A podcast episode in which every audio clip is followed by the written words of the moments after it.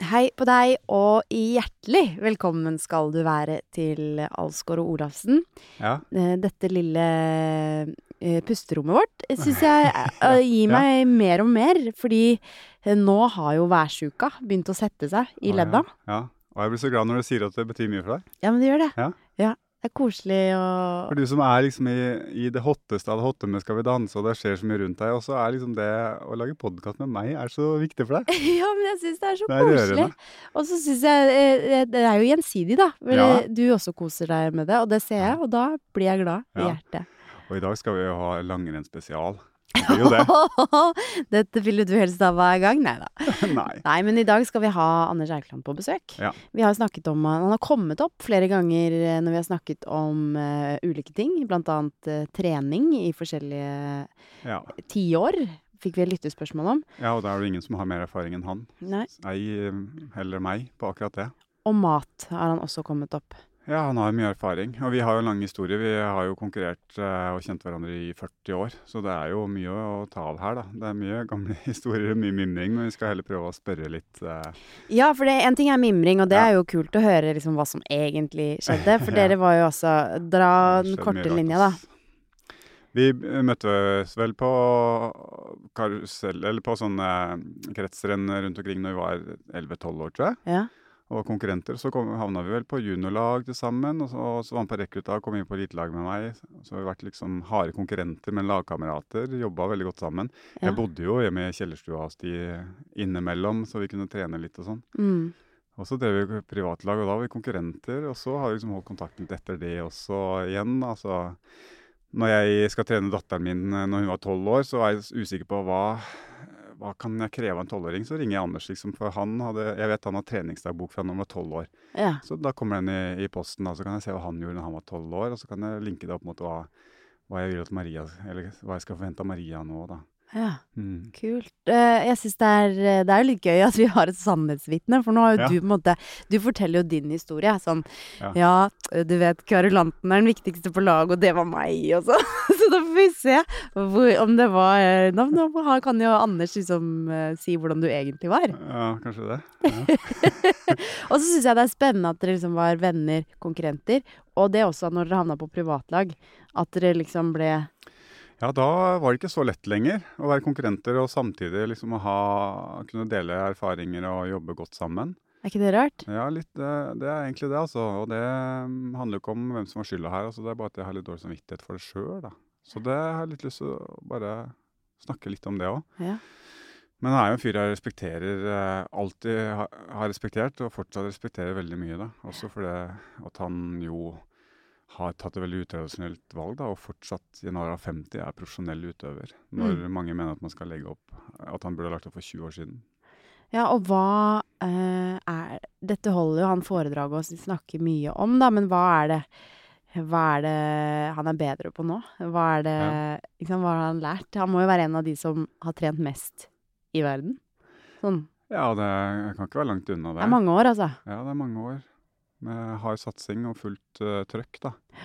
Så det er spennende, det altså. Nei, det er en veldig spennende fyr. Og har ufattelig mye tanker, selvfølgelig, om, om sitt fag. Og, og hvorfor han uh, fortsatt har så stor glede av det. Ja, jeg er nysgjerrig på hvordan han uh, gidder. Ja. Ja. Og du har jo Vi har et lite prosjekt, vi òg, så jeg tenker at du må, må jo bare Jeg må jo finne den inspirasjonen eh, på et eller annet tidspunkt. Ja. Treningsinspirasjonen. Ja. Overskuddet. Ja, kanskje du får det i dag. Kanskje jeg får det i dag. Det jeg har ikke, jeg har ikke klart å smitte over på deg, da, så du må Nei, men det, det er for mye an Du legger for mye ansvar på meg som eh, jeg egentlig liker, men jeg er bare så langt nede at jeg trenger mer enn det. Du trenger noen som kan fikse det for deg. Ja. Ja, nå ringer Anders her, det er på vei, da, så skal vi bare åpne døra og slippe den inn, kanskje? Kul ringetone. Da Ja. slipper vi han inn.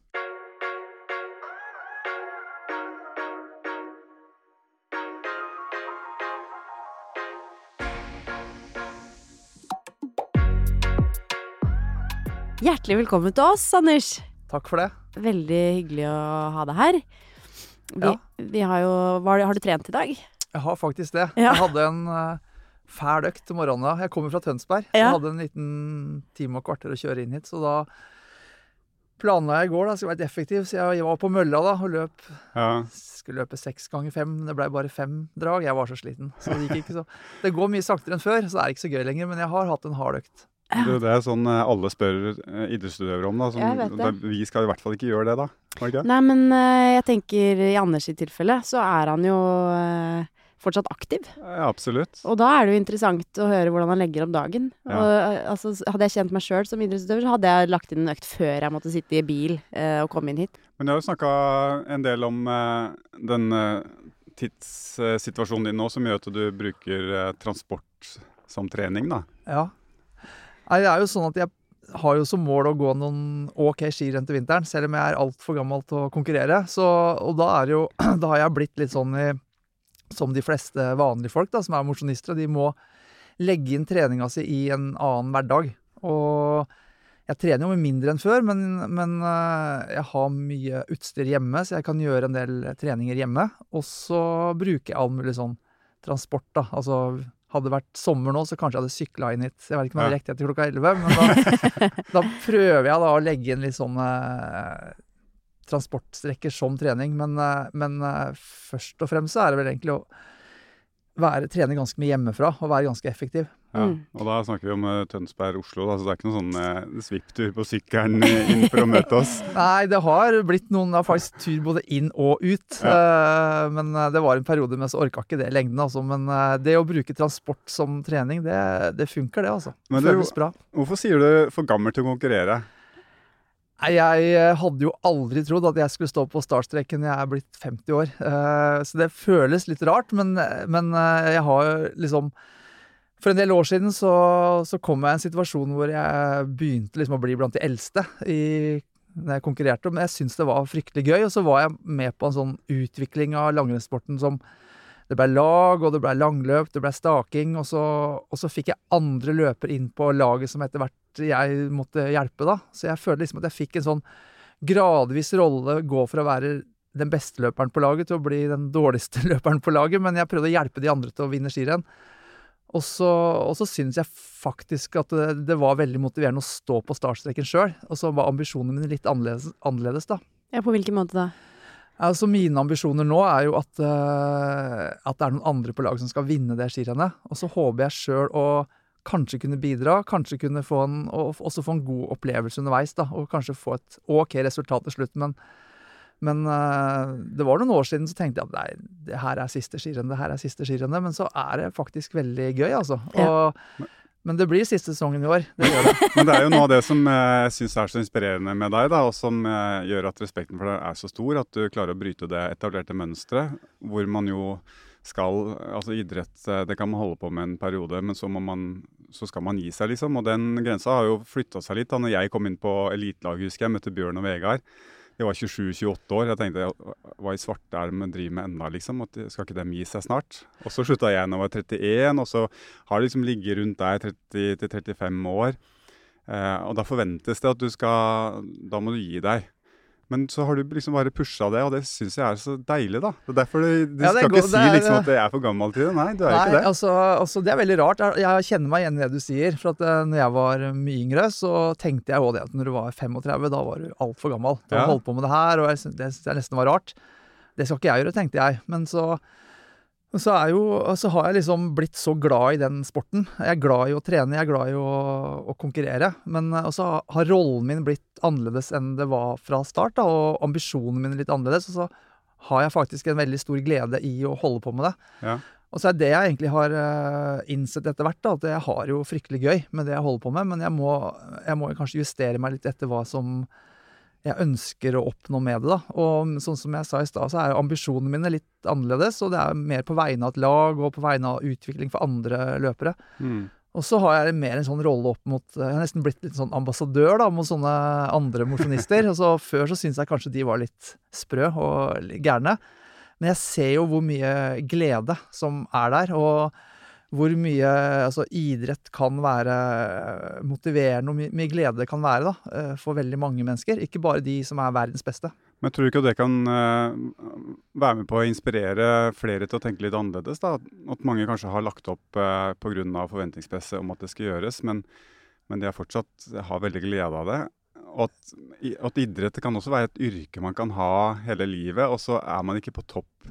Altså Hvis du er snekker eller tømrer, så har du også der en periode i livet hvor du er mest effektiv og du får gjort mest, og så bikker det liksom, blir, litt sliten og det går litt tregere alt, men du kan fortsatt få lov å være tømrer og, snekker og holde på med det du liker. Jo, det er, det er litt uh, sant. Altså, så, må, så har jeg liksom tenkt litt mer på hvorfor begynte jeg med det her, egentlig. Jeg Ja. begynte å gå på ski da jeg var sju-åtte år. Jeg begynte med masse forskjellige idretter og konkurrerte i mye forskjellig, men det blei jo ski etter hvert. Og så jeg har egentlig på slutten nå, siste fem åra kanskje, sett mer den der gleden som jeg hadde fra starten av. Altså, ok, jeg vinner ikke skirenn lenger, men jeg har faktisk en glede med å holde på med det. Man skal være liksom forsiktig med å dømme de som holder på med det, uansett eh, nivå. da. Man, man har lett for å gjøre det som når du står der og vinner et OL eller VM, så er det mange som kan slenge en kommentar til en birkebeiner eller en mosjonist som sykler i full fart til jobben, men det er ganske mye glede på all idrett uansett nivå, og den, den, den begynte egentlig da jeg var litt, litt liten, da. Ja. Så. Det er, det er utrolig gøy å høre. da, At du kan få, få igjen litt av den samme følelsen eh, og gleden som når du var guttunge. Altså Du avslutter med det som var starten. Ja, jeg, jeg har litt av den følelsen noen ganger når jeg er ute og trener, men så er det sånn at de referansene jeg har, da, når du ser på en klokke eller sånn som til morgenen når jeg ser på mølla, da, så løper jeg jo saktere enn jeg ønsker å gjøre. Og det er lett at når du får de tallene, da, de resultatene, så blir det liksom åh, du gir opp, du føler deg så dårlig. Men hvis du klarer å se litt bortafor det, og litt over det, så ser jeg liksom at du, det er en glede med å løpe en økt, eller det å gjøre noe fysisk, selv om ikke du var så god som før. Så Men må Får du mye kommentarer på det, eller?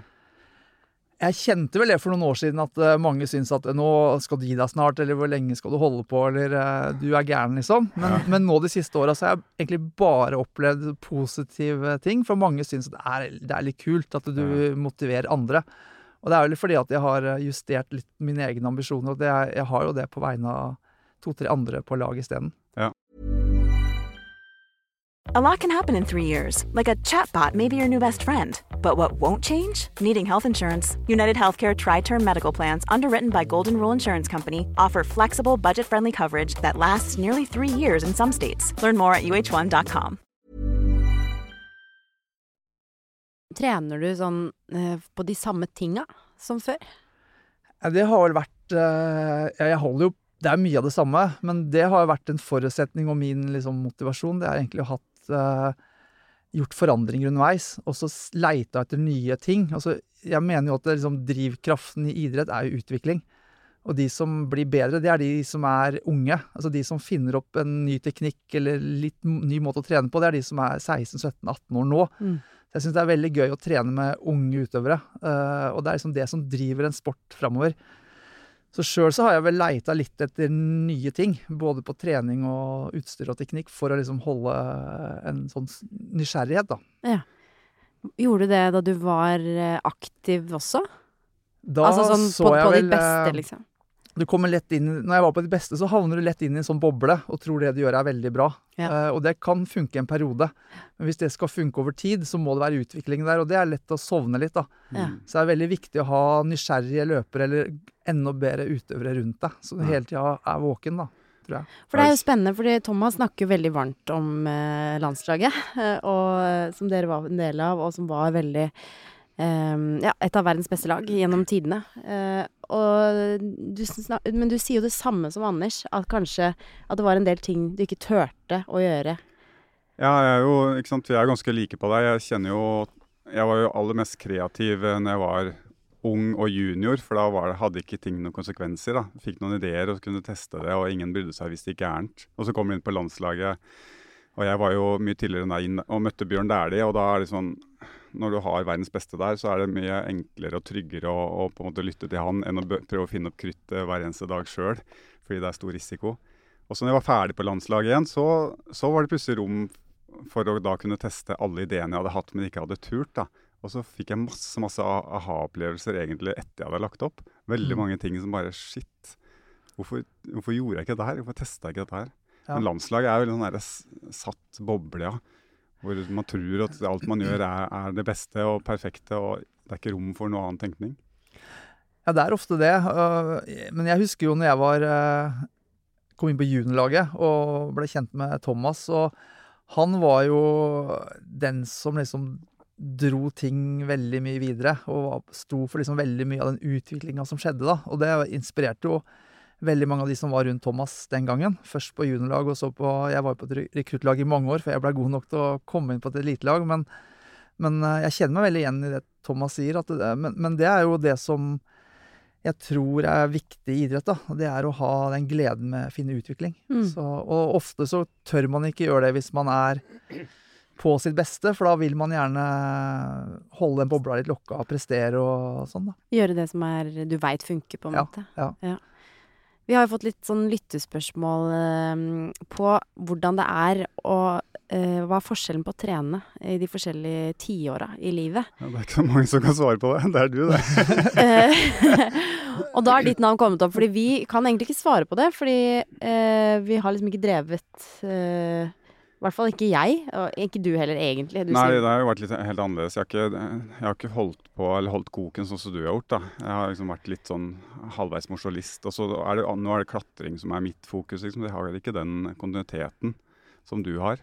Ja, det er vel å være litt forsiktig, men eh, Nei, jeg, jeg, eh, jeg tenker at eh, hva man liker å trene, det kommer gjerne an på hva, hvilke sånn litt forutsetninger man er skapt med. Noen er glad i å gå tre og fire og fem timer på ski, og er liksom, er liksom utholdende og liker det PC. Og så er det noen som absolutt ikke liker det. De liker eh, det å kunne de, de har mye spenst, de har mye hurtighet, de har mye andre egenskaper, da. Så det er veldig sånn forskjellig hva man gjerne begynner med, men jeg tenker jo at eh, man begynner gjerne med mange idretter, og så, og så begynner man å trene mer på det man føler seg god i. Mm. Eh, og noen gjør kanskje det litt tidligere nå enn man gjorde før. Det er Mm. mitt inntrykk, da. Ja. At man blir At man kanskje får et sånn eh, profesjonelt eh, syn på trening veldig tidlig. Eh, når jeg var yngre og Thomas, da, da var det sånn greit å teste veldig mye forskjellig helt til du var kanskje over 20 år. Mens nå så må man liksom, når du er 14-15, så, så kan du veldig Du kan se hva verdens beste gjør på Strava eller på treningsblogger, og det, det er veldig åpent, da. Ja. Men jeg tenker jo at eh, når du er eh, ung, så, har du, så er det viktig å liksom eh, Som skiløper, da. Det er åpenbart viktig å utvikle kondisjon. Eh, og hvis man begynner å kjøre veldig mye mengde, veldig sånne kontrollerte terskeldrag, som det heter, så er jeg ikke sikker på om det er rette veien å gå. Mens kanskje det å kjøre ganske så hardt eh, Og det er ikke så lenge man skal konkurrere på ski, egentlig. Så det å være ikke ha et voksent opplegg da, som barn, det tror jeg er viktig. Og så tror jeg det er viktig å utvikle fart, teknikk, eh, koordinasjon, rytme. Altså sånne ting som du egentlig har veldig brukt for seinere, som Mm. du kanskje glemmer litt da, før du skal bli skiløper. Ja, det er jo interessant at du sier, for det er alltid sånn i typ 'Mesternes mester', sånne ting, eh, der forskjellige idretter møtes, så ryker jo langrennsløperne gjerne ganske fort. Ja, de har én egenskap, og det er å gå halvhardt lenge, liksom. Ja. Så, Jeg Ja. kjenner meg ikke igjen i det hele tatt. Nei, du tør jo ikke å være med på 'Mesternes Men jeg har vært med på 'Mesternes mester'-type ting fem ganger. Ja, ja, du er kanskje et eh, unntak. Superstars eh, Og jeg har motsatt inntrykk. Jeg har inntrykk av at uh, langrennsløperne hadde ganske brei base. da, At vi klarte ganske, oss ganske bra. Og særlig når ting bikka liksom tre-fire minutter arbeidstid. Ja, men det gjør du sjelden på TV. Ja, det gjør det kanskje nå, minutter, da. Ja. men, eh, Ja. Men jeg, så tenker jeg jo at, eh, at eh, med alder, da, sånn jeg har jo opplevd det etter hvert, så blir kanskje det som går på styrke, blir, blir viktigere. Ja. Altså det å kanskje legge mer vekt på styrke enn jeg gjorde når jeg var 20-25, det Ja. tror jeg er viktig. Så min trening nå er jo ganske mye mindre mengde, men jeg trener nok hardere, og jeg kjører mye mer styrke og kanskje intervalløkter da, enn jeg gjorde tidligere. Men, eh, men eh, nå er jeg liksom kondisjons... Kondisjon har vært min hovedfokus i, siden jeg var liten. Ja. Og, og eh, jeg føler meg ikke Jeg føler liksom at det styrke der er jeg vel så sterk som jeg var før. Men eh, kondisjon bikker jo med alderen, da.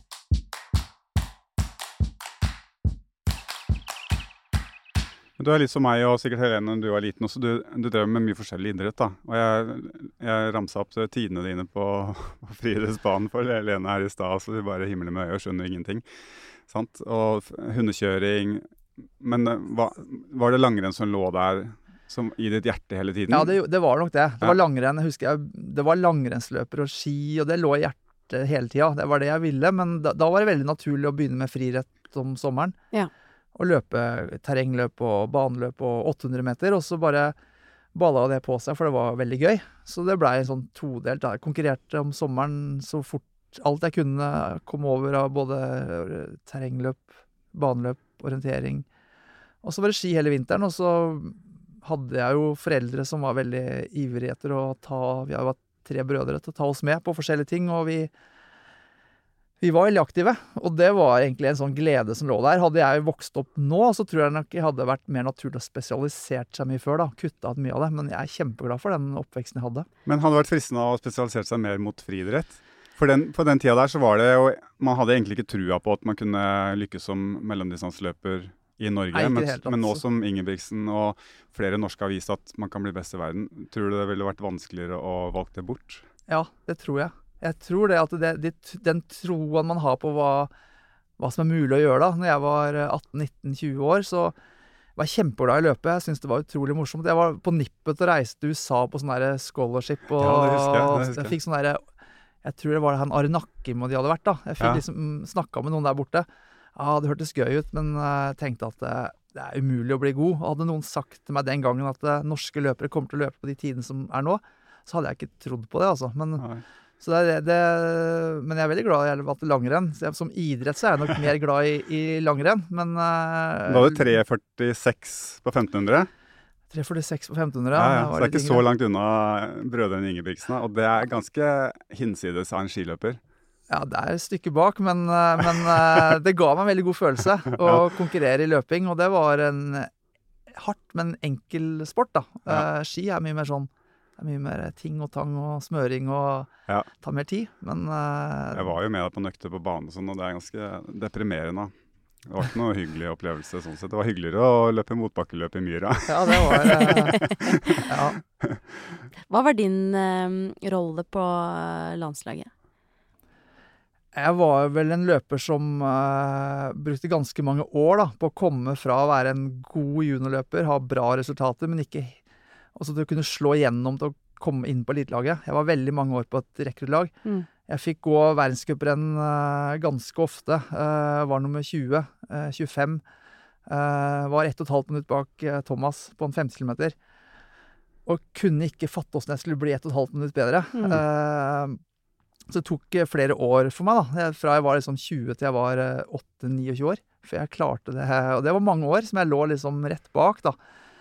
Og det tror jeg var eh, Jeg måtte nok rydde litt opp i det. Jeg var nok litt for ivrig etter å trene litt på alt og løpe om sommeren. Og, så jeg måtte liksom rydde litt opp i det jeg gjorde. Og få litt mer eh, tro på det jeg holdt på med i forhold til å spre meg på alt. da, Av Mm. både trening og konkurranser. Og så kombinerte du jo litt med skole òg, som jeg kanskje tenkte var altså jeg, For meg var det i hvert fall uaktuelt, og jeg tenkte kanskje at det var et lite hinder for deg også den gangen. Ja, jeg har tenkt litt tilbake til det, og det er det rådet jeg gir til en eh, Jeg var jo vokst opp med foreldre som sa du må, du må gå på skolen, liksom. Og jeg var veldig opptatt av det. Jeg var lærere begge to. uh, og det var min tanke når jeg gikk på videregående òg. Jeg måtte jo begynne på universitetet og begynne på noe. Men uh, det rådet jeg gir til en 18-19-20-åring nå, hvis du har lyst til å drive med idrett, det må du gå all in på. Altså, Det går an å kombinere på et eller annet vis, men den muligheten får du ikke tilbake om ti år. Nei, Sånn ikke sant. at, eh, og jeg tror nok det, det å tørre å satse på det du brenner for, det du elsker, og hvis du har lyst til å nå opp i en idrett, så, så, så tror jeg det krever så mye at man må tørre å prioritere det først. Istedenfor å bruke veldig mye energi, da. For det, det er krevende å skulle være god på alt. Og det tror jeg mange unge i dag de føler at de må være gode på alt, da. Og det er krevende. Det varmer mitt hjerte å høre, da. Ja. Jeg husker vi var eh, For du bodde på Kringsjå, og så var jeg, var, møttes vi der, for vi skulle være med ned til Tønsberg. Bo i kjellerstua der og så trene sammen en helg. Ja. Og husker jeg det som fascinerte meg, var da kom Anders ut fra leiligheten på Kringsjå, fellesleiligheten der, med en sånn svær vaskebalje med all oppvasken fra hele uka, møkkete, inn i bagasjen. Tok den hjem til mor, mamma. vaska Ja. det. Jeg har fått høre det noen ganger. Det, det skjedde en gang, det, altså. Nei, Men, men eh, ja, det var Jeg flytta jo på hybel da da jeg var ferdig i militæret etter videregående. Og, og prøvde å bli god på ski, da. Og løp mye jeg kunne om sommeren, og så prøvde jeg å studere. Og sånn holdt jeg på i ganske mange år. Ja. Men uh, etter sju-åtte år med det, så fant jeg ut at nå, nå må jeg liksom ta det siste steget. Og da kutta jeg ut å studere. Jeg begynte å trene enda litt mer, og jeg begynte å fokusere bare på langrenn. Og så tror jeg det at når jeg så Thomas slo igjennom veldig tidlig og gikk veldig fort, mens jeg hadde jo et par andre kamerater på det rekruttlaget som plutselig var på pallen. Mm. En som het Espen Bjervik, blant annet. Og jeg hadde jo følt meg ganske lik som han, og plutselig så så jeg at han kunne vinne skirenn. Da, da kan jeg det òg. Ja. Og da var det noen psykisk barriere, da. Men uh, jeg tror det at uh, jeg ønska nok å få til alt veldig lenge, før jeg klarte å skille litt ut, da, etter hvert. Ja. Ja. Så jeg tror det at har du lyst til å Er du 20 år og har lyst til å virkelig bli god innen idrett som du er glad i, så tør å gjøre sats på det. altså. Gi det en sjanse. Jeg tror det er viktig i alt, jeg, nesten uansett. Hvis du har en drøm og en passion, liksom, gi det en fair sjanse med hud og hår og, og hjerte og sjel.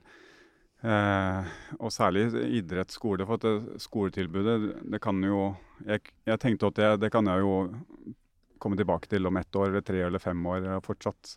Nå så kan jeg jo det hvis jeg vil, da. Men det, to, den toppidretten, den muligheten og det toget, det følte jeg jo liksom gikk der og da. da. Og enten Ja. var jeg med, eller så var jeg ikke med. Ja. Så, men samtidig er vi har også snakka med Astrid Runholt Jacobsen. Hun, er, hun har jo hatt veldig nytte av det, sier hun, den kombinasjonen. Så for noen kan det funke, men sånn stort sett så, så tror jeg nok at gi det en fair sjanse. Test i hvert fall.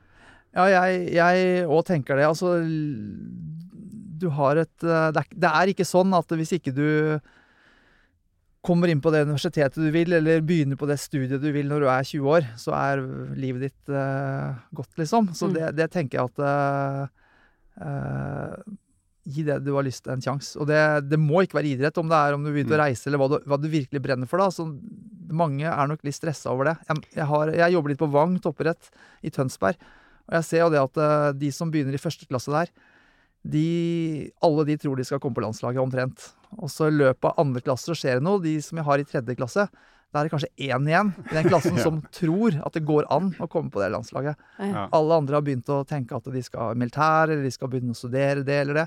Så det skjer noe da, i de åra der når du ser virkeligheten av hvor mye som kreves. Mm. Men uh, ofte så tar jo noen idretter, som annet langrenn, det tar kanskje noen år da, å komme opp dit du vil, og da må man kanskje gi seg de åra. Ja, Skulle ja. skulle du ønske at flere av de beholdt drømmen litt lenger? Ja, absolutt. Det er det det handler om. Behold den drømmen du har, og, og litt lenger, enn å, enn å tenke at når du er 19 år, da må du velge resten av livet. For Ja. sånn er det ikke. Mm. Livet er langt. For det, det lurte jeg på når du snakket om det, at var det noe Var det litt sånn at du også tenkte at du har litt å gå på, siden du driver med så mye annet? At du visste liksom at det var et ekstra gir? At du ikke turte helt? Eh, kanskje. Tenkte litt på det, men så ville jeg liksom ikke Jeg var så glad i å løpe fort, da, så jeg ville, ville liksom ah, Jeg har lyst til å løpe, jeg har lyst til å prøve å vinne NM eller gjøre det bra der. Og så, og så ble jeg nok litt eh, revet med av det, da. Og så turte jeg ikke helt slipp på de studiene heller.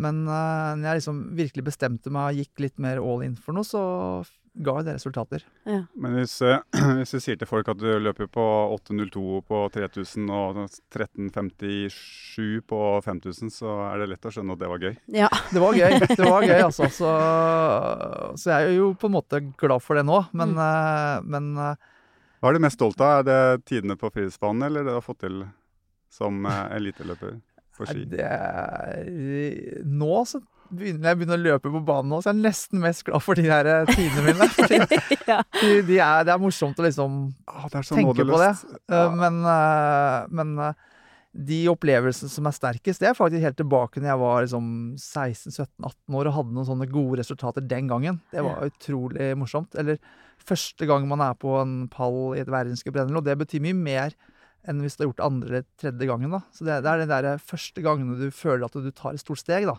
Ja. Det er stort.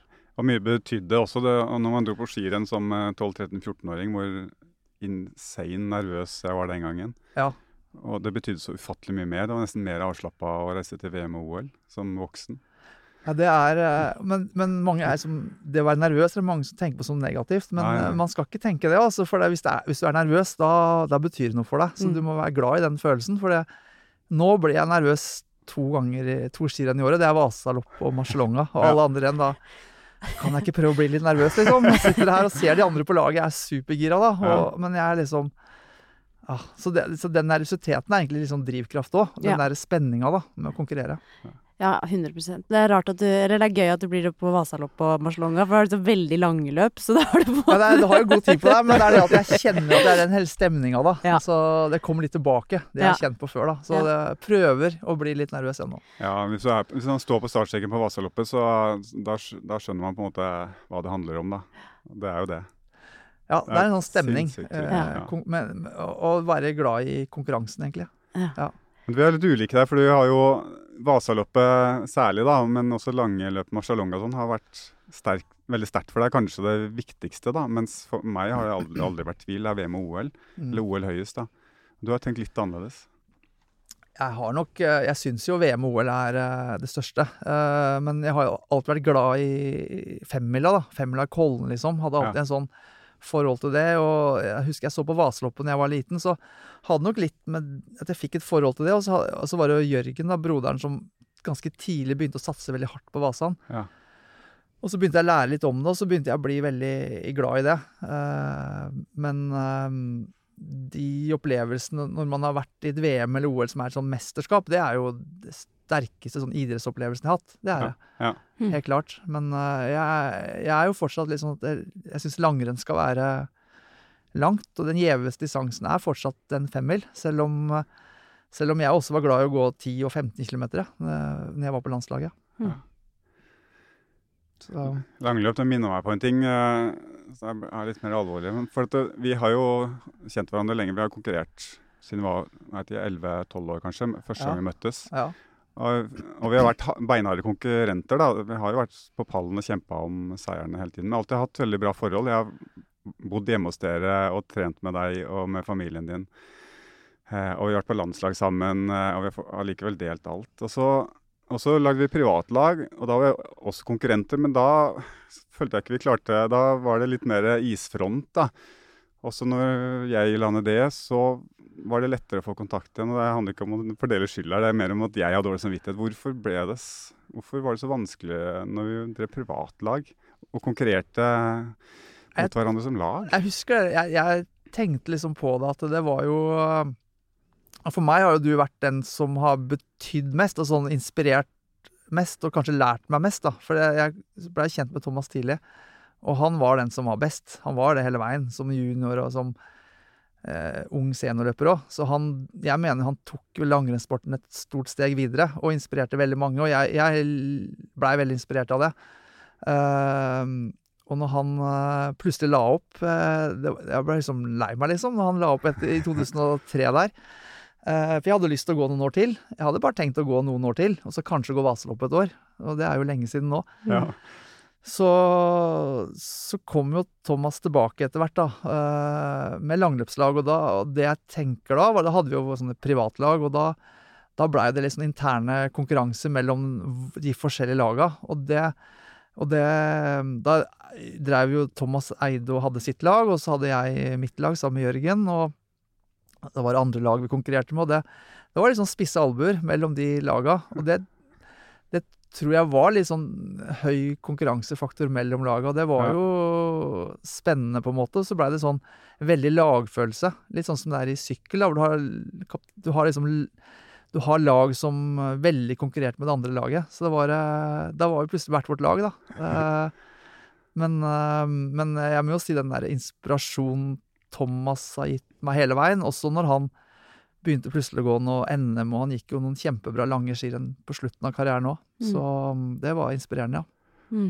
Ja, nei, Jeg har mest dårlig samvittighet for det, for det er sånn unødvendig. Men kanskje også fordi det, da kjempa vi om de samme pengesponsorer og sånt også. Det Ja, vi liksom konkurrerte på alt. Det var jo det å Så mye når du- konkurranse. når man skal, Det er ikke bare selve skirennet, men, men det her var jo sånn kommersielt spill òg. Når man er forskjellige kommersielle lag, så må man liksom Da kanskje man gjør og sier og framstår på en måte som er litt mer kommersielt enn man gjør på et landslag som, som venner, men da, da skal man liksom eh, Man gjør en jobb for sitt eget lag, da. Ja. Og kanskje sier ting og gjør ting for å bygge opp et lag Mm. eh, mot et annet lag. Ja. Og det er ikke Det blir litt annerledes. Da blir det ikke like lett å dele, på en måte. Eller det Nei, unaturlig. da blir det litt sånn eh, konkurranser kjempe- og Kjempa jo om, eh, om utøverne eller talentene og Mm. ja, kanskje mange arenaer. For når jeg, jeg ringte her for et par-tre år siden, var det vel, Fordi Maria var tolv år, og det er litt sånn Hvordan trener man en tolvåring? Hva kan jeg forvente? Jeg var litt seinere med min dagbok. Jeg visste at du var tidlig ute. Så, så spurte jeg liksom om du hadde din dagbok fra når du var tolv år. Og da kommer den sporen straks, ikke sant. Så det er Ja. noe- Har du digitalisert den og greier? Jeg har Nei, aldri noe digitalt. Alt er eh, håndskrevet. Ja, men sendte du, eller kopierte du opp da? Siden? Jeg, Jeg, har, jeg fikk låne boka. Ja, du jeg. Jeg glemte den i dag, men jeg har den hjemme. Det skal Ja, jeg ja, ja. selvfølgelig få en dag. Men jeg, er veldig, jeg ble veldig glad for sånn. At, vi, at det er en sånn delingskultur. At vi kan ha, man kan ha sånn forhold. Mm. For det er veldig nyttig. Og det er kult å lese også hva du faktisk eh, gjorde og leverte Ja, hva, den gangen. husker du det? Husker du sånn grove trekk? Ja, jeg prøver å liksom, finne ut sånn, hva kan jeg forvente av en tolvåring på, på intervalldrag. Altså, hvis, for det var mye friidrettstrening, mye 400 meter og 800 meter og sånn. Mm. Og litt tider og bare ha noe å, å gå ut ifra. Da. Og det, det er ganske bra. det, det var bra, liksom. Du gjorde jobben. Ja, jeg tror jeg har trent ganske mye hele veien Ja. jeg var ganske liten. Men, men Jeg veit ikke hvor strukturert alt var, men jeg begynner å se tilbake på det, så var det ganske mye hardt. Ja. Det var det. Og det er jo det generelle jeg ser nå. Jeg er litt på Vang da, og ser litt hva de gjør, de som er 18 og 19. De er veldig sånn De er, kanskje, de er litt forsiktige, men de vil gjerne trene mye. Så de er veldig Mange sånn timer. mange timer. De er veldig opptatt av de er veldig opptatt av at det skal være mye volum. De er opptatt av hva de beste gjør. De, de veit mye om det. Og de Mm. er veldig opptatt av en pulsklokke. Mm. De er veldig opptatt av å føre statistikk. Mm. Eh, jeg tror både Thomas og jeg var mye mindre opptatt av det. Bruker du pulsklokke? Nei, jeg Nei. bruker ikke pulsklokke. Men eh, men eh, nå Så jeg smiler du lurt, men det er sikkert mange som syns det er sjokkerende. Nei, jeg bruker lite pulsklokke, men jeg har jo rimelig kontroll på det jeg gjør. Ja, Jeg, jeg har jo mye referanser. Mye testløp, mye, mye sånne ting. Og det er, det er viktig å måle ting. Men uh, man kan nok bli litt for styrt. Ja. Uh, og særlig når du er ung, så tror jeg det er viktig å tørre å gønne på litt. Men du har jo en uh, overutvikla følelse for din egen kropp, så du har jo stålkontroll. Når du løper en rolig totimerstur, så vet du nøyaktig hvor du står. Jeg, har, jeg har det. Jeg har Ja. litt referanser etter hvert. Men uh, Du trenger ikke tallene fra en klokke eller en, eh, noe sånt.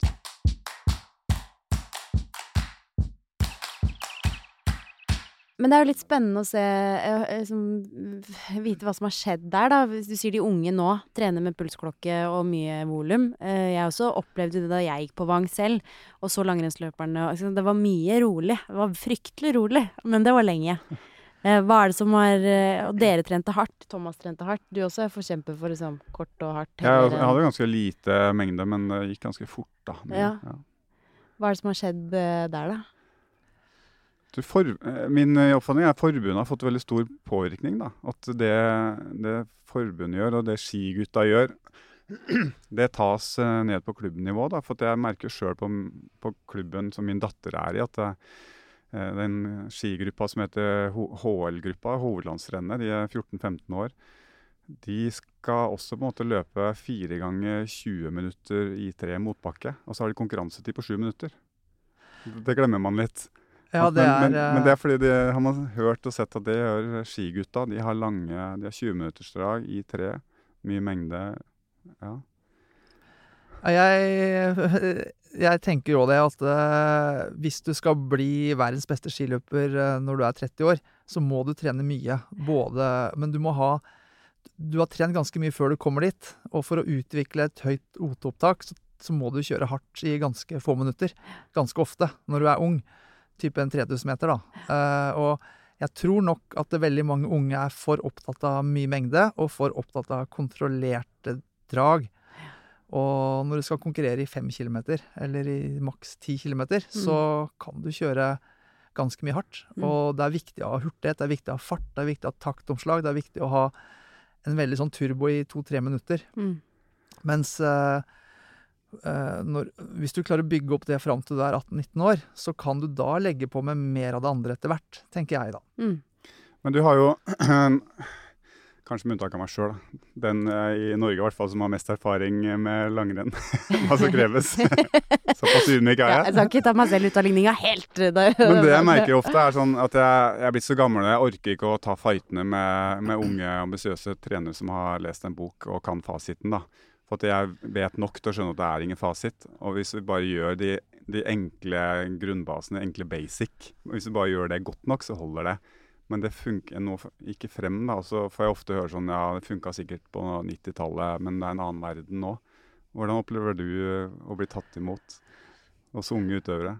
Nei, jeg følger deg på det. Altså, jeg, jeg prøver egentlig nå, når jeg møter unge utøvere, å egentlig bare motivere de. Jeg, jeg er ikke noen trener i noen forstand for de, men eh, jeg prøver å jeg prøver å formidle at uh, du kan gjøre det ganske enkelt, men du må være innstilt på å gjøre en hard jobb. Og jeg prøver å forenkle treninga deres, og, uten at de skal bli for uh, styrt, da.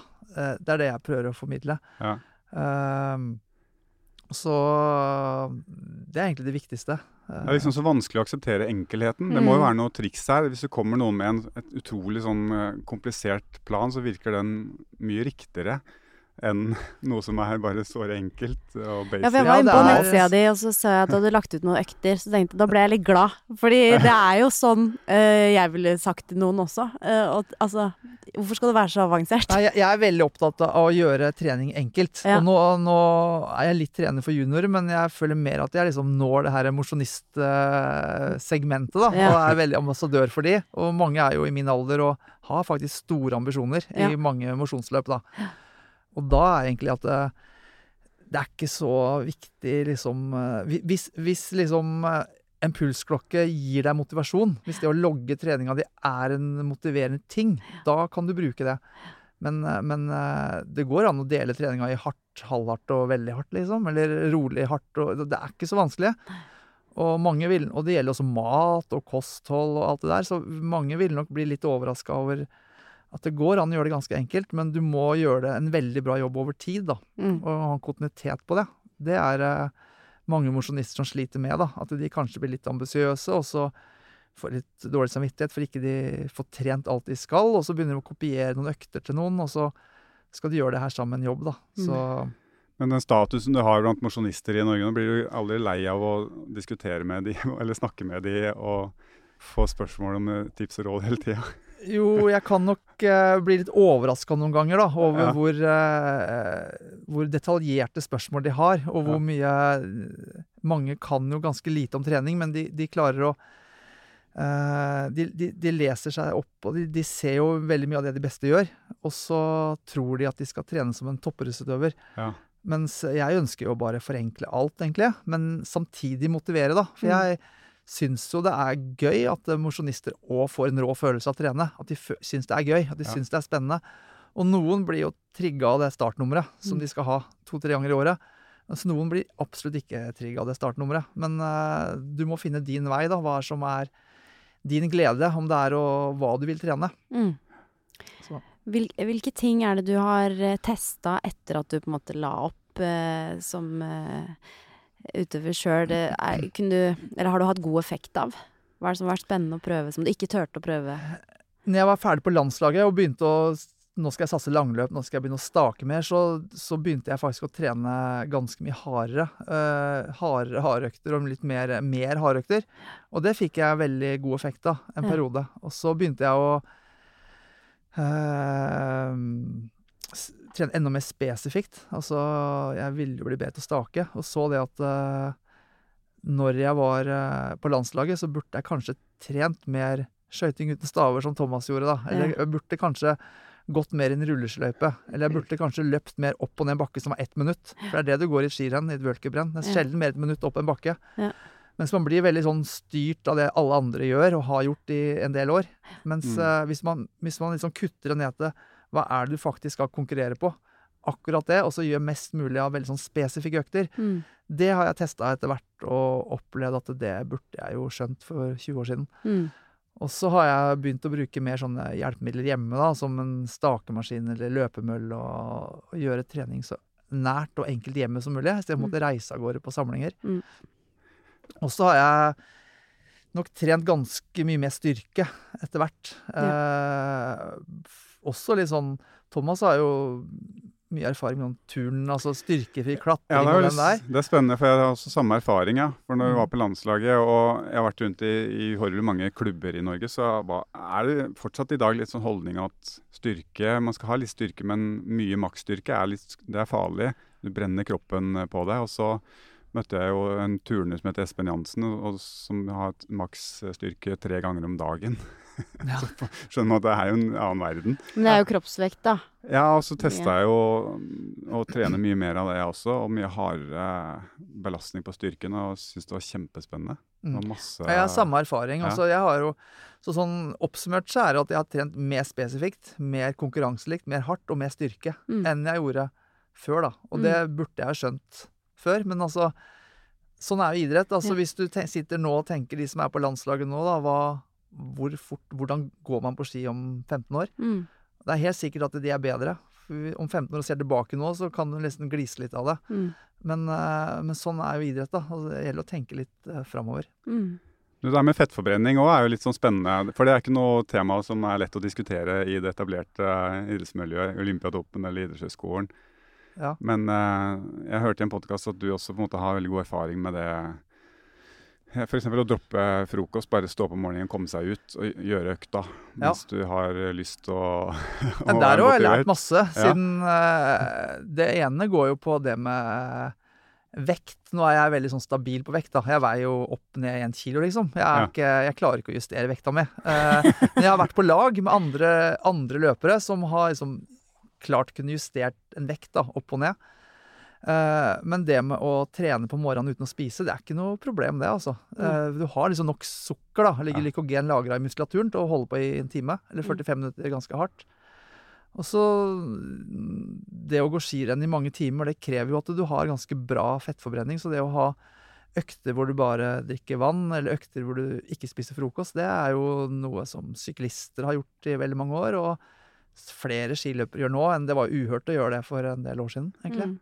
Men eh, jeg har god erfaring med enkelte sånne økter. Men det handler om å vite hva man, hvorfor man gjør det, og hva man gjør. Ja, og være, ja, du skal være på ganske, ganske høyt nivå for liksom fettforbrenning, trening med fettforbrenning. Ja, det er ikke en Er junior-ungdomsløper. Det handler om en som skal, er voksen skiløper og skal optimalisere en del ting. da. Så Mm. er det en Og trene av det. på det også. Det høres jo Ja. veldig logisk ut. Men litt som, som eh, mosjonist med i tidsklemma sånn, så er det veldig, veldig befriende og tidsbesparelse å vite at det er helt greit. Og det er, det er mer enn greit også. Det kan være til og med fornuftig av og til. Bare at du ikke må ha havregrøt. Du skal stå opp, Ja. du skal lage frokost, så skal den eh, synke inn så du ikke får hold, og så plutselig er du i gang med noe, noe nytt, og så er dagen gått, da. Ja, jeg ser jo det. Jeg har jo mye sånne mosjonsgrupper. Jeg var for to uker siden i Grebbestad i Sverige. Ja, ja. Jeg hadde 30 sånne ivrige vaseloppsåkere. da. Ja, de har hytte i Grebbestad. Ja, Ja. hytte i Grebbestad. Og det, var noen svensker der òg, og de var, de var seriøse, altså. Ja. De hadde logga alt og puls, og det var Strava alt. Eh, Ja. og, men når vi skal ut og gå to og en halv time på rulleski, da, så må de jo spise. Og de må ha med seg barer, og de må ha med seg geller, og de blir tomme på slutten. Mm. Ja. Og de er så sultne når de kommer igjen. tenker jeg at eh, I vaseloppet skal de gå i fire og en halv time. Mm. De burde kanskje trene litt på det. Ja. Og så, og så er de veldig opptatt av den stakinga da, som de skal gjøre i Vasan. Men eh, så skulle han styrkeøkten etterpå. De klarer jo ikke å ta situps, nesten. Mm. Så de, det, er, det er veldig sånn enkle grep da, som kan gjøre Og det er litt gøy. øh, Så du kan, En mosjonist ofte de trener på hva de tror de skal gjøre, men de mangler ofte litt styrke. Mm. Veldig mange eldre mangler masse styrke. Mm. Og så en del sånne triks da, i forhold til det å bli bedre. Er du Ja, på for det er jo litt- Ja. Det, det er sikkert det som også blir irriterende, vil jeg tro, for deg, da. Eh, sånn, men er du, du Altså, det er, det er ikke så avansert bevegelse. Eh, hvordan kan jeg liksom Nei, altså de, de legger veldig mye og de har lyst til å stake hele løpet. ikke sant? Ja, og det er ja. tungt å stake Vassloppet. Det er ikke Ja, flatt. Det er Nei, bakker nei, der. det er bakker, ja. Eh, men når du klarer å ta fire hangups, liksom, og så har du mål om å stake vasene, da, da går det an. Så jeg sa heng opp et hangup-stativ i stua di, og så hver gang du passerer den, så tar du en hangups. Ja. Så kanskje de får 10-15 hangups i løpet av en dag, da. Ja. Og hvis de gjør det, så er det viktigere enn å kanskje gå de treningsturene de går hver dag. Ja. De må bli litt sterkere. Ja. Men uh, jeg ønsker å gjøre trening enkelt, men du må gjøre det ganske hardt. Enig. Men det er deilig å høre. Det er, eh, jeg har skrevet en bok om dette. Ja, Jeg så det. Du har jo det. Ja, ja. Du har jo det. Ja, det. Og vi har jo prosjekt sammen, så du, du burde egentlig bare Ja, spørre men vi må, mye mer. vi må starte det prosjektet. Jeg syns jo eh, teknikken er spennende, da. Ikke sant. Jeg har, jeg har jo langrennsforeldre, men Ja. jeg har aldri vært interessert i langrenn, for jeg syns det gikk for sakte, og det var liksom det Ja. var, jeg, jeg fikk, ble aldri bitt av basillen. Nei. Og naturlig helt ræva på langrenn, liksom. Og så var det mye kulere å være snowboarder. Jeg syns det var fryktelig gøy å kjøre snowboard, da. Ja. Det var ikke så kult, skal jeg si deg, for jeg var den eneste. Men, så det var ikke derfor. Men eh, jeg har jo veldig ønske om å lære meg det. Eh, Så til vinteren, Thomas, så har du en jobb å gjøre. Men jeg syns teknikkdelen av det er- virker veldig gøy, da. Langrenn er veldig sånn teknisk øvelse, ja. Det er det. Det er ganske komplisert. Klassisk diagonalgang er egentlig ganske komplisert. Ja. Ja, men det er det. Ja, det er Ja. mye som skal gjøres riktig og stemme for å få det til Jeg er ganske god på sånn, ikke for å skryte, men jeg er ganske god på teknikker i idrett. Jeg har på en måte vært innom Ja, ja. veldig, veldig mye. Ja. Men langrenn er overraskende Ja, komplisert. det er vanskelig. Ja, det er det. Er du på Strava du, eller? Jeg er faktisk på Strava. Jeg legger ikke ut alt, men jeg er på Strava. Jeg er ikke Ja. så flink til å bruke det, for jeg ser de andre løperne på laget, de er veldig Jeg bruker det mest for å være jævlig mot folk, jeg. Ja, Jeg ser liksom oppe i Ro- jeg ser en sånne gamle gubber som har holdt på med sånn Strava-punkt og konkurrert i årevis, liksom. Så kan det hende jeg bare legger på Har noen gamle Og se- gassen. seere, legger på flor og tar, varmer opp og tar meg til skidressen, og så bare detroniserer jeg den tida den bare for å markere. King of ja, the er- mountain. Ja, ja. Jeg, var liksom, jeg tenkte at eh, alle de beste tidene mine De hadde jeg liksom før Strava. Det var sånn fra Ja. den lyktestolpa til Ja. den lyktestolpa, eller fra det grantreet til toppen av Tryvann, liksom. Ja. Og sånn irriterer meg nå. Og så, og så, så Nå er det sånne Strava-segmenter her, så veit jo jeg at jeg har de tidene, men Ja. jeg har jo ikke noen refer... Jeg har bare mine mål, da. ja. Så Ja. da tenker jeg jeg gidder ikke å bruke det. Men, har eh, men eh, det, er, det er veldig fint å se liksom hva andre gjør, eller få inspirasjon til noen sånne ruter og sånn, da. Ja. Det det. Jeg har ikke kjangs på rekorden oppe på Lurefjellet på Helgelandskysten. sant? På Strava-punktet der. Jeg er langt unna der nå. Men jeg har jo en tid som er raskere, som ble satt på Ja, ja. 90-tallet. Men det er ingen som bryr seg. det er ikke på Strava, Nei. det teller ikke. Nei, Nei, ingen det er ikke om det. kraft. Nei. Nei, det er ikke det. Forferdelig.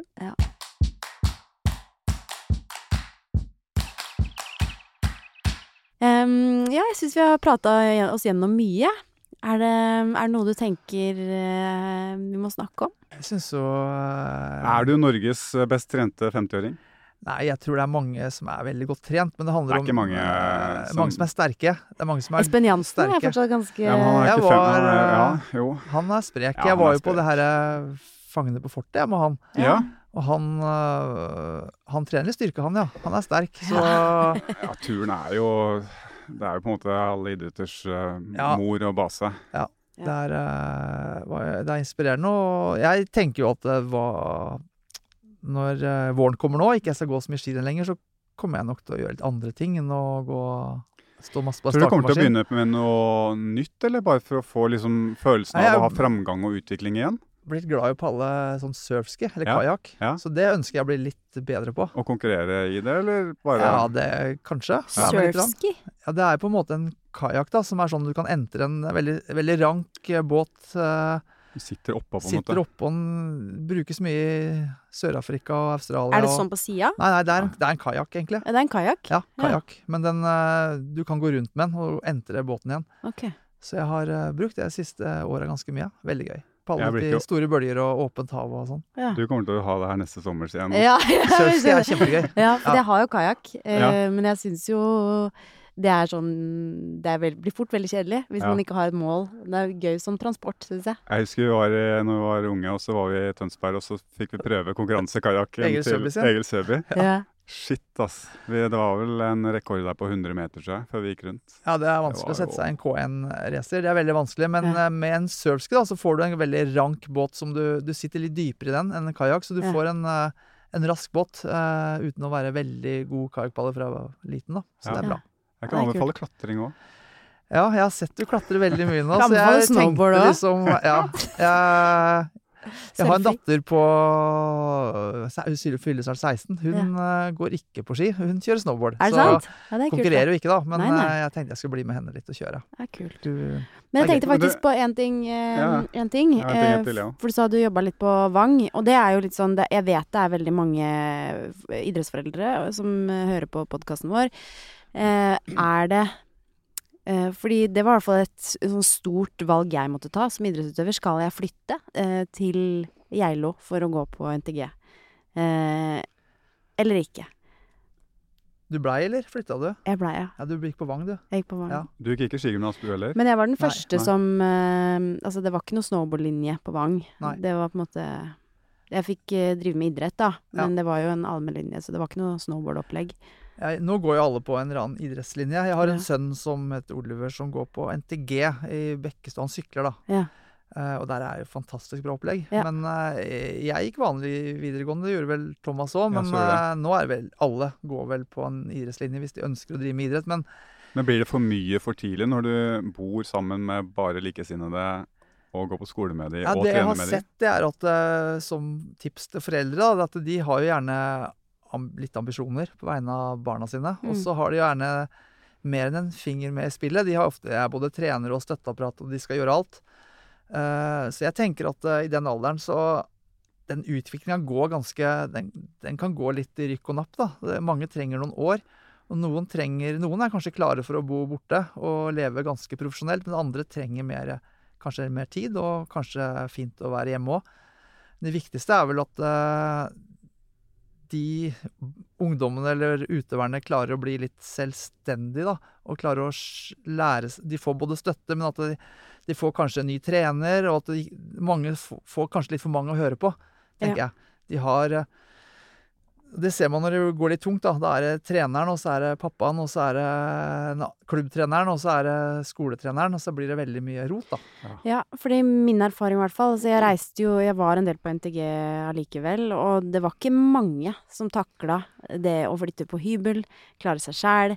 Det er mørketid, så hvis du i tillegg blir skada, eh, ikke sant Mye tror det er ganske tøft for mange, og så Ja. tror jeg mange vil oppleve at når de da er ferdig med tredje klasse, hvis ikke de har kommet seg inn på et landslag omtrent da, og er blitt tatt videre, så, så vil liksom eh, Så vil de komme ut på andre sida med et dårligere opplegg rundt Mm. seg, eh, for det er så bra opplegg på skolen. Så de blir nesten vant til et landslagsopplegg, og så plutselig står de der i er 20 år, og så veit ikke hva de skal gjøre. Skal de studere, eller skal de satse på idrett? Og så har ikke Så det å lære seg litt, at det kanskje det tar noen år, da, Mm. eh, det tror jeg er viktig. Ja, det er jo det det gjør. Det er jo sjelden Jeg var jo heldig da og slo gjennom ganske kjapt, og Klæbo og Northug, men det er jo veldig sjelden egentlig. Det tar jo stort sett noen år, fire-fem til For mange gjør det det. åtte-ni år. Mm. Så det er greit å, å på en måte forberede unge på det, ja. Ja, og kanskje liksom ta en liten sånn uh, Har man forutsetningene for å, å klare det? Ja. Eh, klare seg aleine. Og at det ikke nødvendigvis er for tre år. Det, jo, det går jo an å Ja, absolutt. bytte Er hvis det ikke funker, liksom. Jeg, jeg er glad jeg bodde hjemme, egentlig. Jeg er også kjempeglad for det. Ja, ja. Jeg var så forbanna på mamma og pappa for at ikke jeg fikk begynne på NTG jeg Eilo, men eh, jeg er veldig glad for det i ettertid. Jeg har også enkel. Jeg tenkt at vanlig videregående er tre år, og, og skigymnas eller idrettslinje var fire år, da, så da Ja, blir ferdig. jeg ble Da ferdig, og så kunne jeg satse fullt. da. Ja. Nå glemte jeg hva jeg skulle spørre om, da. Men det kom en annen ting, fordi jeg har en eh, same, en kompis, eh, som jeg er mye på fjellet med. Han er jo 84 år nå.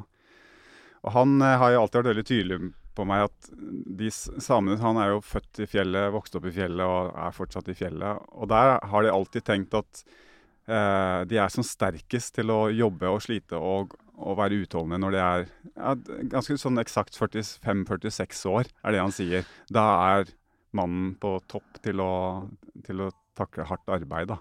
Er det, Ja. kjenner du deg litt igjen eh, som skiløper? Uh, jeg Nei, men for man tror jo kanskje det er Ja. rundt 30, da. Noen tror Nei, jeg tror at uh, i en idrett som langrenn, hvor ikke du krever uh, veldig mye spenst og hurtighet, som du er mye utholdende og styrke isteden, Ja. så tror jeg du kan være på topp helt til du er over 40 år, ja. Ja. Det, det tror jeg, hvis du har motivasjon til det.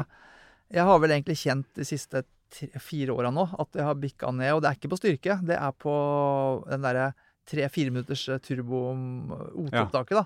Det er dårligere. Men blir Turboen blir borte, men, ja. men eh, inntil jeg var 5-46, så hadde jeg den på samme nivå som før, faktisk. Eh, og det går an med trening å å holde det lenge, men det er ofte hodet det som stopper, da. At Ja. du blir litt lei, eller at du ikke du ser hele vitsen med det, eller at du ja, nå må jeg slutte med det her. Det er for gammel, liksom.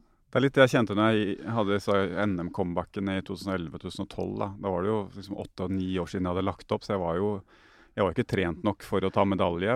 Og hvis jeg hadde gått et femminutters intervalldrag, så hadde jeg kanskje vært nummer 40-45-50. Mm.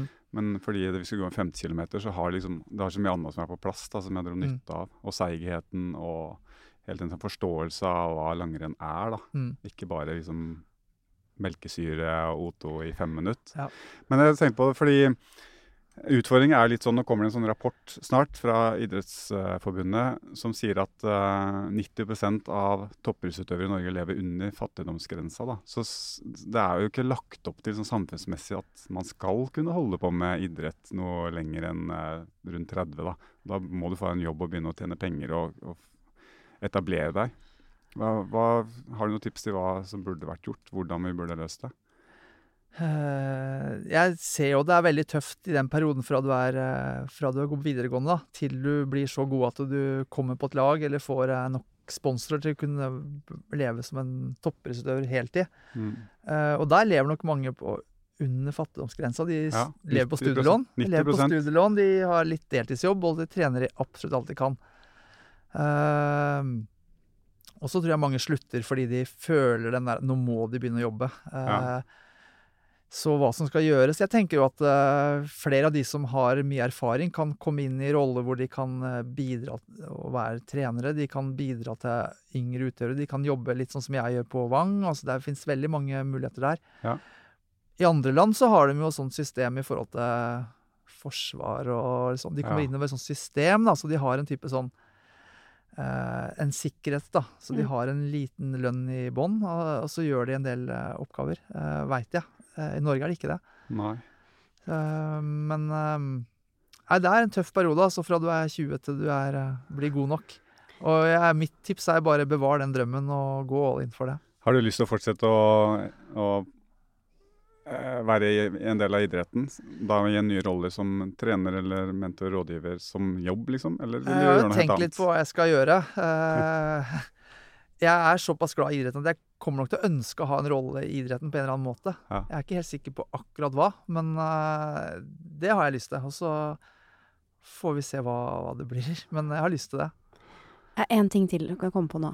Fordi at uh, Jeg må bare spørre, for jeg lurer så på det. For jeg har tenkt mange ganger at jeg hadde, at jeg hadde hatt så lyst til å ha det huet jeg har nå, på den kroppen jeg hadde før. Jeg skjønner at uh, Men du er i hvert fall så nærme det scenarioet man kan komme, tenker jeg. Hvordan er det? Eh, forskjell å liksom stille på start med et voksent, erfarent hue kontra Ja. Ja. eh, jeg eh, tror nok jeg var mer sånn sulten, kanskje, når jeg var ung. At den der sulten etter å skulle slå gjennom, ville bli god. Altså, den er jo veld, sulten er veldig viktig å ha eh, mm. for å bli en uh, god utøver. Hvis du har, blir litt mett, så er det ganske farlig, for da kan du bli litt sånn sløv, da. Mm. Ikke så sulten, kanskje. Men den erfaringa jeg har nå, både i forhold til trening øh, Nå koser jeg meg med, med de konkurransene. Ja, nå bare gleder jeg meg til å stå på start i fire-fem ganger til til vinteren. Mm. Mm. Håper ta vare på den muligheten jeg har. Mm. Så jeg skulle gjerne hatt den erfaringa for en del år siden. Helt klart, altså. Mm. Uh, og det gjelder på mange områder, ikke bare trening, men det gjelder liksom Jeg ser litt, kanskje litt mer helheten av hva idretten er, da.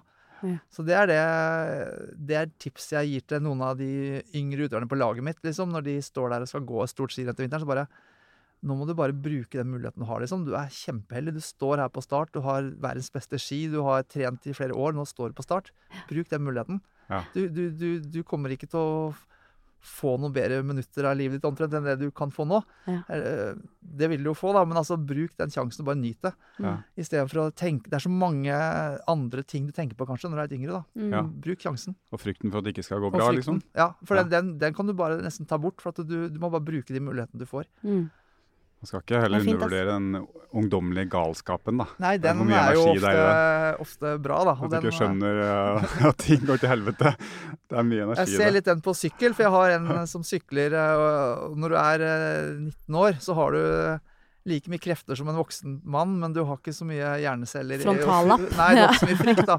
Nei, Så det skjer noen stygge velt, ja. Men, Ja. men eh, Og det å se den der eh, fryktløsheten, da. Ja. Det er, og det har sikkert du sett i, i sporten din, liksom. Den der, Ja. eh, Hvis du blir litt redd, da. Eller Mm. hvis du blir litt sånn respekt, eller Ja, det, den er være offensiv nok, da. Mm.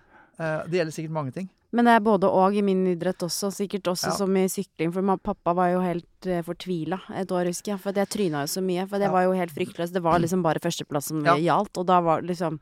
Alle eh, risikoer var verdt det, ikke sant. Og jeg smalt Jeg tålte jo å tålte jo alt, liksom. Ja, Tenkte jeg, jeg går jo ikke i Du gjør jo det når du er ung. Du tåler Ja, alt. du jeg tåler liksom mye. sprakk fire hjelmer på en sesong. Liksom. Ja. Sånn, det er bare sånn Det er jo ikke bra. det er jo ikke det. Så det fins jo en mellomting, da. Det er jo ikke bare sånn heia. Det Jeg kunne jo dødd, liksom. Jeg hadde, gjort, jeg hadde dødd hvis jeg hadde gjort det nå.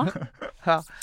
Så det gjelder jo. Men jeg husker jeg møtte snakka litt med Aksel når han tok korsbåndet, Aksel Lund Svindal. Ja. Eh, og han eh, og der er det jo mange idrettsutøvere som har havna. At man, kroppen begynner å skrante på slutten av eh, karrieren. Og så eh, Det eneste man trener, er jo egentlig bare for å få bort hevelse, bli klar til neste renn. Det, man trener egentlig ikke mellom, men så tar man resten på rutinen. Sant? Man stiller seg inn på huet sånn jeg kan dette, ikke sant. Og da, da det, siden du har så mye rutine og erfaring, så, så går det bra. Du kan gjerne kjøre bedre enn eh, det du har gjort Ja. eh, når du har vært i toppform. Ja.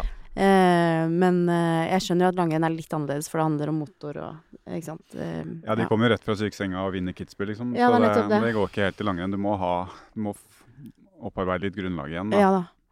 Men samtidig, så som du sier, når du går femmila, så er det så mange andre ting også som slår inn. Det er jo litt de samme tingene allikevel, da. Ja. Hvilken idrett, hvis du skulle ha levd liksom samme livet med en annen idrett, hva ville du ha valgt da? Hva hadde vært drømmen da? Nei, jeg, jeg har jo alltid vært glad i Friidrett. I friidrett, altså. Ja. Så det å Litt skuffa at du ikke er like, du er ikke like, like imponert over mine friidrettsresultater. Det er fordi det er på sånne kortøvelser. Hva er det du For du, fikk, du var kjempetalent i lengde, var det det? Nei, absolutt ikke. Nei, Der var var jeg minst talent. Uh, hekk var jeg god. Hekk, ja. Hekk var Og det. diskos var jeg god. Ja. ja. Ja. Ja. Mangekamp var Ja, jeg kunne ikke drevet med det. Jeg har ikke spenst. Nei, jeg er ikke så imponert over eh, de resultatene der, nei. Som Nei. jeg er på anerkjenner. Det er håla bud. Ja, det har vært skikkelig hyggelig å ha deg på besøk, eh, Anders. Veldig. Det har vært uh, spennende. Og jeg er inspirert av liksom gnisten i øya på deg. Ja, det er uh... Ja, det er sjelden du møter noen som har så sterk kjærlighet til Ja. én ting over så la langt liv. Ja, mange blir kanskje litt lei, Ja, Uh, men uh...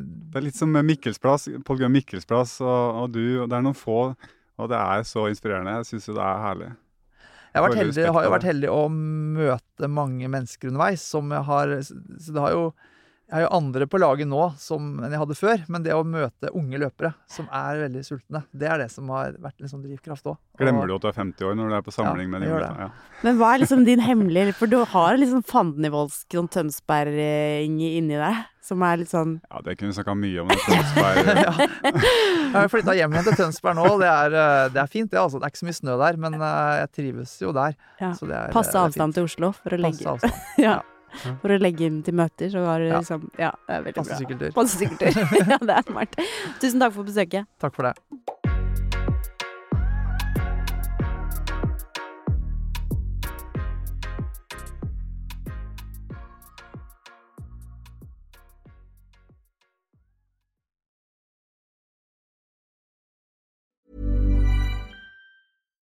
Hi, I'm Daniel, founder of Pretty Litter. Cats and cat owners deserve better than any old fashioned litter. That's why I teamed up with scientists and veterinarians to create Pretty Litter. Its innovative crystal formula has superior odor control and weighs up to 80% less than clay litter. Pretty Litter even monitors health by changing colors to help detect early signs of potential illness. It's the world's smartest kitty litter. Go to prettylitter.com and use code ACAST for 20% off your first order and a free cat toy. Terms and conditions apply. See site for details.